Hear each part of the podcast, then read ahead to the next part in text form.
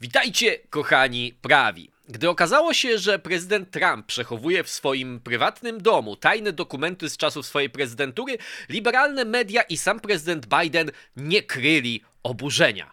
Teraz wyszło na jaw, że sam Biden zapomniał o pewnych tajnych dokumentach znajdujących się w jego prywatnym biurze. O tym wszystkim dzisiaj, a to są kroniki szalonej Ameryki. Okej, okay, witajcie po raz kolejny na kanale. Przypominam o subskrybowaniu tego wspaniałego kanału, z kliknięcia tam przycisku, powiadomień, wszystkiego tego. Dzisiaj mam zadanie, żeby się nie stękać i nie jąkać, bo ktoś mi to wytknął, ja sam na to zwracam uwagę. Będę się starał, zobaczymy jak to wyjdzie. Temat dosyć przyjemny, który dostarczył mi, nie ukrywam, trochę niezdrowej radości. Ja mam nadzieję, że się tą niezdrową radością z wami podzielę. Warto zacząć ten temat od cytatu znanego w amerykańskiej kulturze politycznej, nigdy nie lekceważ zdolności Joe, żeby coś, powiedzmy eufemistycznie, zepsuć. Barack Obama nie powiedział e, eufemistycznie, powiedział F things up idealnie ten cytat pasuje do tej sytuacji. Warto przypomnieć, w czasie gdy e, odbywała się cała sprawa związana z rajdem, czy przeszukaniem po prostu w rezydencji Donalda Trumpa w Mar-a-Lago dotyczącym tajnych dokumentów, Joe Biden udzielał wywiadu w słynnym programie 60 Minutes i wtedy mówił tak, jak ktokolwiek mógł być tak nieodpowiedzialny, jak coś takiego w ogóle może być możliwe, jakie dane tam były, które mogłyby zagrozić naszym źródłom i naszym metodom dotyczącą, w sensie, że to, co zrobił Trump, mogło być groźne dla jakichś tajnych informatorów, na przykład amerykańskich służb i tak dalej, i tak dalej.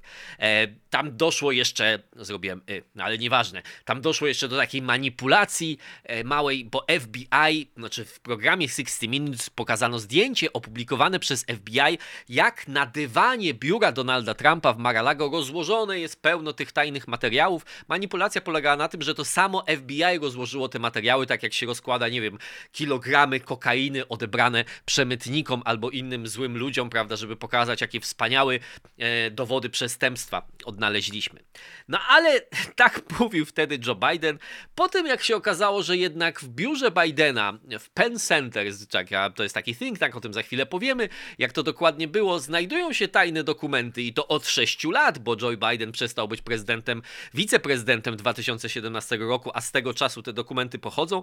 W programie programie The View, który można powiedzieć, znowu nie użyję niezbyt ładnego słowa, ale który tutaj idealnie pasuje. Jest takim szczytem debilady w amerykańskich mediach, bardzo liberalny, tam występuje Whoopi Goldberg i inne panie, których wy pewnie nie znacie, ale jedna z tych pań, tłumacząc, próbując wytłumaczyć wszystkim, jak to się różnią te dwie sprawy Trumpa i Bidena, Joy Behar mówi tak, wszyscy wiemy, że Trump jest kłamcą i złodziejem. W jego przypadku to nie jest tak trudno sobie wyobrazić, że dopuścił się obstrukcji i kłamał. My nie myślimy, że Biden jest złodziejem i kłamcą, więc dajemy mu kredyt zaufania.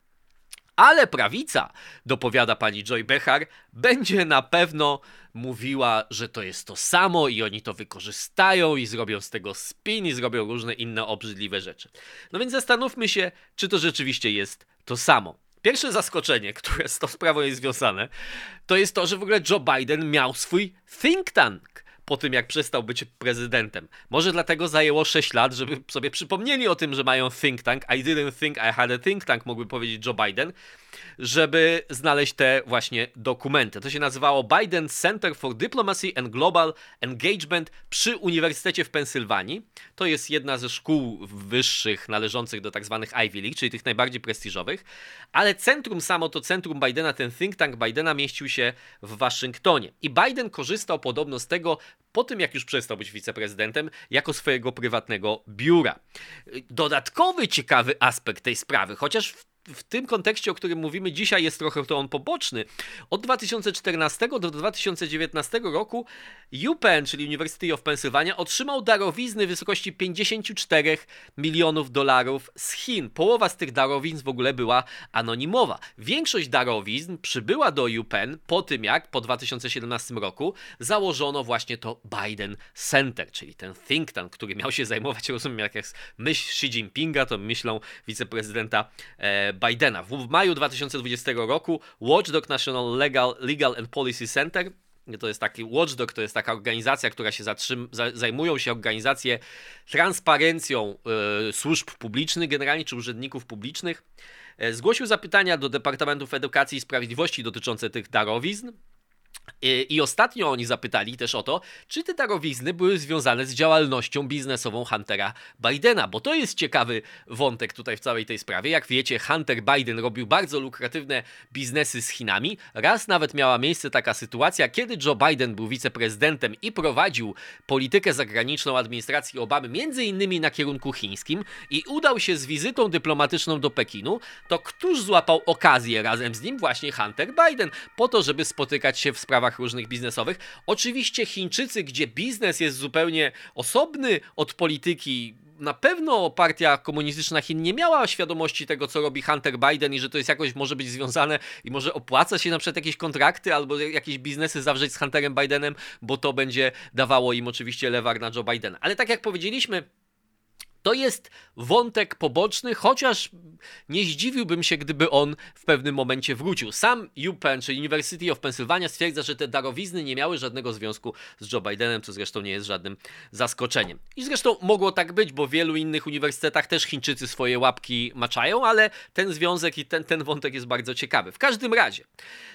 Biden korzystał z tego biura, tak jak powiedzieliśmy, po tym jak przestał być wiceprezydentem i 2 listopada tego roku jest przeprowadzka. Chcą wyczyścić to miejsce i prawnicy Bidena, to jest też ciekawe, że tam byli prawnicy, o tym za chwilę powiemy, odkrywają 10 tajnych dokumentów, niektóre z nich oznaczone najwyższą klauzulą tajności top secret. Były też w pudłach jakieś rodzinne dokumenty Bidena, między innymi dokumenty dotyczące aranżacji pogrzebu jego syna Bo. E, inne dokumenty z czasów wiceprezydentury, które nie były tajne, ale podlegają pod te przepisy, które mówią, że tak jak pamiętacie, mówiliśmy o tym w przypadku całej tej histerii związanej z Maralago, czy historii, powiedzmy, e, że Wszystkie dokumenty, które zostaną wytworzone przez administrację w czasie prezydentury, muszą zostać przekazane do narodowych archiwów.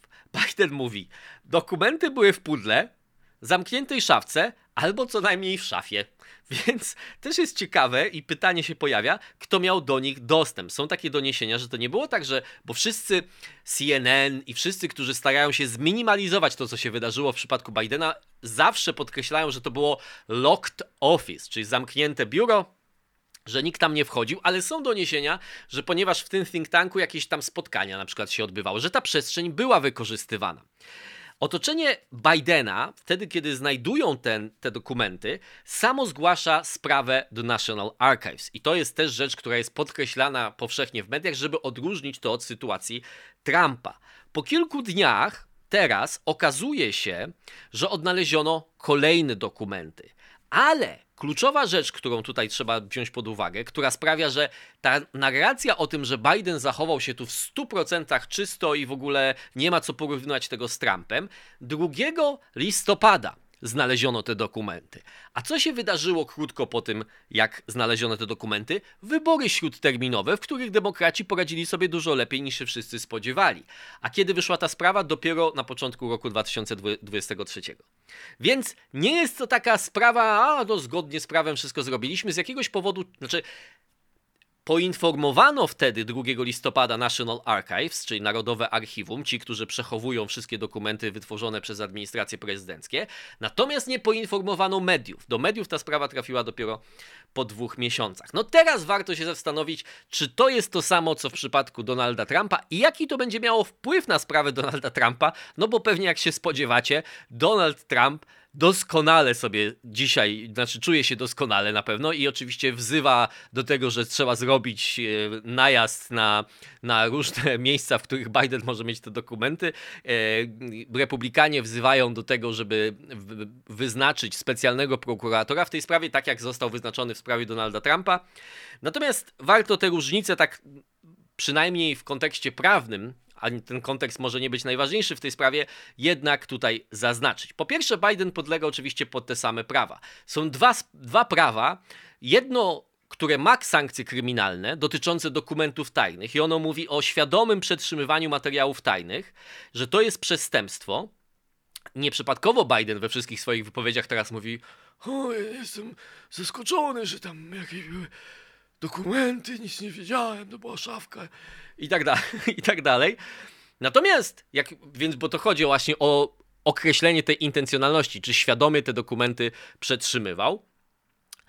Natomiast też jest pytanie, o którym powiedziałem wcześniej. Dlaczego od razu, jak to była kwestia prywatnego biura przeniesienia w jakieś inne miejsce, musieli się tam podczas tej, tej całej przeprowadzki znaleźć prawnicy? Czy to oznacza, że jednak ktoś się spodziewał, że w tym biurze mogą być tajne dokumenty? To jest bardzo ciekawa sprawa. I drugie prawo, o którym mówiliśmy też przy, przy okazji Maralago, to jest to, co już o czym wspomniałem, czyli obowiązek przekazania wszystkich dokumentów związanych z administracją do National Archives. Tylko tutaj nie ma sankcji karnej, tam była cała konstrukcja prawna, jak za to, że Trump tego nie przekazał, można by było jednak postawić mu zarzuty, ale do tego wracać nie ma sensu.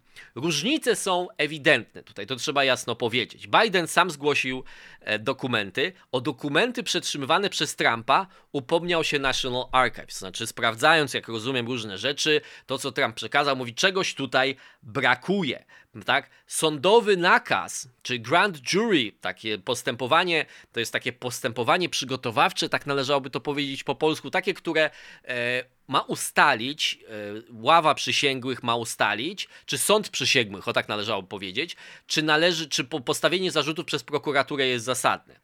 Ale to już jest de facto postępowanie sądowe i łączy się ze wszystkimi sankcjami, które są z tym związane. To zostało 11 maja e, rozpoczęte, został wydany nakaz przekazania tych dokumentów. 3 lipca dochodzi do spotkania zespołu Trumpa, e, który przekazuje w zalakowanej kopercie 38 dokumentów. Jego prawnik podpisuje oświadczenie, które stwierdza, tak, to są wszystkie dokumenty tajne, które się znajdowały na terenie Mar-a-Lago. Ponieważ to jest sąd przysięgłych, to mamy do czynienia z sytuacją, tak jakby, już tego nie będę tłumaczył, dlaczego to było tak, że to de facto było takie wyjazdowe posiedzenie, to spotkanie w Maralago. Chodziło o to, żeby oni z tymi dokumentami nie jeździli w te i z powrotem, tylko żeby służby odpowiednie te dokumenty odebrały i od razu e, zabezpieczyły, ale miało to formę takiego postępowania przed sądem przysięgłych. Stąd fałszywe fałszywy, nie fałszywy podpis, ale fałszywe zeznanie z podpisem jest traktowane jako obstrukcja działania wymiaru sprawiedliwości i to jest poważny zarzut, który dotyczy nie tylko tego prawnika, ale też Donalda Trumpa, ponieważ ten prawnik jest przedstawicielem Donalda Trumpa i w jego imieniu podpisywał tak. Podczas przeszukania, które potem się odbywa, czyli tego słynnego rajdu, czy no właśnie, przeszukania, odnalezione są kolejne dokumenty, co jest bezpośrednim dowodem na to, że tamto pierwsze oświadczenie było kłamliwe. E, co więcej, teraz prawnicy Trumpa w listopadzie ubiegłego roku stwierdzają, że nawet po tym przeszukaniu nie wszystkie dokumenty zostały odnalezione, są jeszcze, jeszcze więcej z tych tajnych dokumentów. W związku z tym przypadek Trumpa daleko wychodzi poza taką rzecz, którą moglibyśmy powiedzieć, no prezydent pracował na jakichś dokumentach, o, któr- o niektórych zapomniał. Jak to mówił Barack Obama, there's confidential and there's confidential, prawda? Czy classified and there's classified, czyli że są tajne rzeczy, ale one tak naprawdę nie są tajne, bo tylko są po prostu utajnione. Zresztą to jest osobny temat w sprawie tego, jak rząd amerykański w ogóle za dużo dokumentów utajnia, ale tym się może nie warto w tej chwili zajmować. To, co zrobił Trump, daleko wykracza poza to, ponieważ tych dokumentów było kilkaset. To trwało bardzo długo. National Archives mówiło, proszę oddać te dokumenty. Trump mówi, no może wam oddam, może nie. Trump twierdzi oczywiście tak. Dla, dlatego te różnice są wyraźne i warto o tym pamiętać. Jeśli już jakiś precedens bardziej przypomina to, co zrobił Trump, to było zachowanie oczywiście z serwerami Hillary Clinton, która nie tylko komunikację na prywatnych serwerach państwowe prowadziła, ale potem zniszczyła część tej dokumentacji, resetując czy wymazując e, dyski twarde na tych serwerach. Co, za co powinna otrzymać e, zarzuty, ale nie otrzymała. I to jest bardzo ważne w tym kontekście, o którym rozmawiamy, tak? Bo chociaż te dwa przypadki różnią się, to trzeba pamiętać o tym, że jak wybuchła afera z Maralago, to główny argument przeciwników Trumpa brzmiał tak: jak masz coś, co nie należy do ciebie, jak łamiesz prawo i już nie jesteś prezydentem, to nie przysługuje ci żadna ochrona i musisz za to odpowiedzieć. I to niestety, znaczy niestety dla niektórych, stety dla niektórych, odnosi się tak samo dla Joe Bidena. Tym bardziej, że bardzo długo on te dokumenty przeszukiwał, chociaż tak jak powiedzieliśmy, różnica jest taka, że o nie nie zgłosiło się National Archives, on nie, nie można mówić o obstrukcji sprawiedliwości i tak dalej. I teraz problem polega na tym, i to jest problem polityczny.